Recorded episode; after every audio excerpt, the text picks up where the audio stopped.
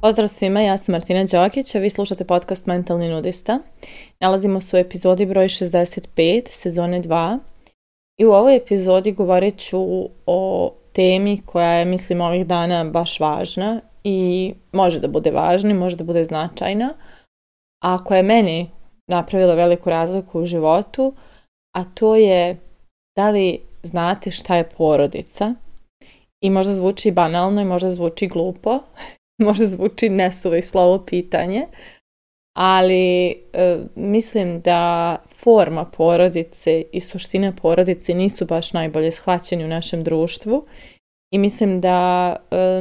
ideja šta znači pripadati nekoj porodici, šta znači imati porodicu je mnogo važno da se preispita i ja lično sam je preispitala i ja lično sam redefinisala tu ideju, izgradila neku novu i Istoga se i negdje izgradila neka nova porodica u mom životu, ona ista u kojoj sam se rodila je dobila neku novu formu, ne formu nego neku novu suštinu, a forma je ostala ista. Tako da, zbog svih dešavanja koje su se desila prošle nedelje i zbog svega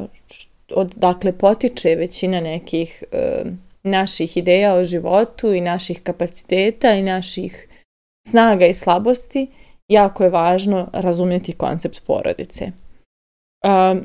znate i sami koliko je porodične vrijednosti, ideja porodice i tako dalje, koliko je to nešto što se stalno provlači kroz naše društvo kao važna stvar i koliko nekako eh, se ističe da je pad eh, kvaliteta života ili pad morala u društvu poiste kao iz toga što je porodica kao koncept E, e, zanemarena ili čak ugrožena i tako dalje. Međutim, ono što je u sukobu sa tom teorijom je činjenica da i ranije kada je postojala forma porodice, odnosno muž, žena i djeca, to nije bio jasan pokazatelj toga da li je ta porodica dobro i da li su članovi te porodice dobro i da li zaista iz te porodice izlaze ljudi koji su samouvjereni, srećni, sposobni, zadovoljni, e, vjeruju u sobstvenu vrijednost, imaju samopoštovanje i tako dalje. Znači to što je to na oko izgledalo kao da je porodica prisutna u društvu, ne znači da u toj porodici, da je u toj porodici iko bio srećan i dobro. I to je ono što nekako se stalno propušta da se, da se provuče da se objasni šta porodica u stvari treba da bude da bismo rekli da njegujemo porodične vrijednosti i da bismo rekli da zaista mm, držimo do nečega što je jako važan dijelić društva, jer mislim da je porodica ćelija društva, ali moramo objasniti šta znači taj koncept porodice, pre nego što uopšte spomenemo nju kao, kao najvažniji segment društva. Dakle, porodica nije muž, žena i djeca. Porodica nije zajednica dvoje ljudi koji su dobili djecu ili zajednica ljudi koji su ostali u braku i odgojili tu djecu. Porodica nije e, sistem u kojem imamo oca, majku, sina, čerku, nebitno koliko djeci. Porodica je skup određenih resursa koji su prije svega emocionalni i mentalni, pa tek onda materijalni. Znači, porodica nije mjesto gdje smo odgojeni, gdje smo, ne znam, hranjeni, oblačeni i sve ostalo. To može biti sistem koji nam je dao te, zadovoljio te potrebe, ali porodica bi trebala biti mjesto gdje se osjećamo bezbjedno, voljeno, shvaćeno, sigurno prihvaćeno i tako dalje i tako dalje. Znači porodica bi trebala biti mjesto koje je nama najsigurnije i najbezbjednije na svijetu i mjesto na kojem se osjećamo najbolje i najvoljenije takvi kakvi smo. Mjesto u kojem možemo potpuno da skinemo sve svoje maske i sve svoje mehanizme odbrane i prikažemo svu svoju ranjivost do kraja i da znamo da će u tom sistemu ta ranjivost biti potpuno prigrljena, iznjegovana i da neće biti zlopotrebljena. E sad kada sam ovo rekla, zanima me da li, da li mislite da imate porodicu? Da li e, postoji neki sistem u kojem se tako osjećate? To ne mora biti, to ne mora biti mama, tata, to može biti odnos sa bratom ili sestrom, to može biti neko od prijatelja, to može biti partner, ali poenta je to predstavlja ono što bi porodica trebala da bude ja sam odrasla u sistemu, takozvanoj porodici, koja u mojim očima nije bila porodica. Znači, e, u mojoj porodici je postojala anksioznost, stres, nasilje, odbacivanje, e, strah i tako dalje. Ja sam se kući vraćala uplašena od reakcija moje majke, a ne bezbjedna i, sigur, i, i sa osjećajem da ću biti zbrinuta za ono što me mučilo van te kuće. Znači, ako bih pala i razbila se, strah me bio kako će mama reagovati. Ako bih dobila jedinicu, strah me bio kako će mama reagovati. Znači, sve što mi se dešavalo van tog sistema, za mene je bilo komplikovanije kada to treba da donesem u taj porodični sistem i osjećala sam se ne bezbjednije nego van tog sistema. Ja sam kasnije, kada sam bila tinejdžerka, razvila mehanizme da pokušam da sebi iskreiram porodicu tako što sam se zaljubljivala u svakog živog i stalno bila u vezama i pokušavala sam nekako s nekim da stvorim taj pakt gdje ću ja da se osjećam bezbjedno, sigurno, voljeno, shvaćeno, prihvaćeno jer to nisam dobijala kod kuće i sad nije ovo da kažem tema da ja okrivim svoje roditelje, ja sam već sve ispričala što imam da ispričam o tome ali eh, i, i sada imam divan odnos s njima ali ono što je poenta je da eh, nisam kod kuće imala to što mi je najveća potreba bila, odnosno više mojih bazičnih potreba nije postojalo ostvareno kod moje kuće i ja sam pokušavala intuitivno da ih nađem negdje drugo s prijateljima, s bilo kim, samo da se osjetim zbrinuto. I onda to se nije dešavalo godinama, onda vremenom počela sam da radim na sebi, ušla sam i u neku zdravu vezu i tako dalje i polako sam počela da osjećam šta porodica treba da bude. Polako sam počela da osjećam šta znači osjećati se bezbjedno iza svojih zatvorenih vrata. Polako sam počela da osjećam šta znači smjeti povjeriti sebe i svoje strahove i svoje nesigurnosti nekome koje je tvoja osoba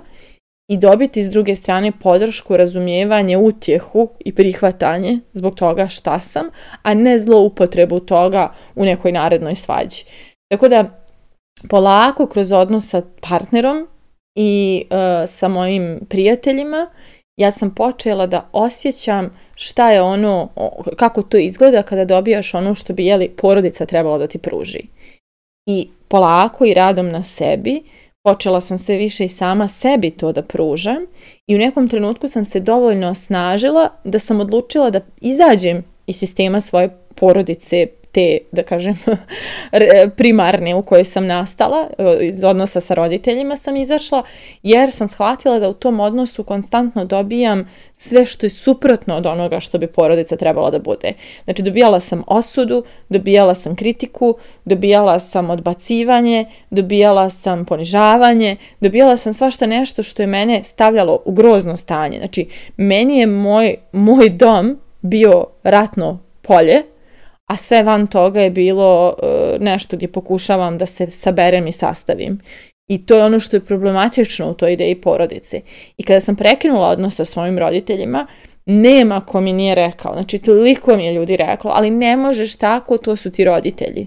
Ne možeš tako, to su ti roditelji. Ja sam govorila, ali kako to veze ima? Znači, da li to znači da ja po defaultu treba da pristanem na sve što oni rade meni i da li ja ne treba da imam ni sobstvene granice, ni da poštujem svoje potrebe, ni da brinem o svom mentalnom zdravlju, nema veze neka ga ne rušavaju samo zato što su oni, eto, moja porodica i moji roditelji. I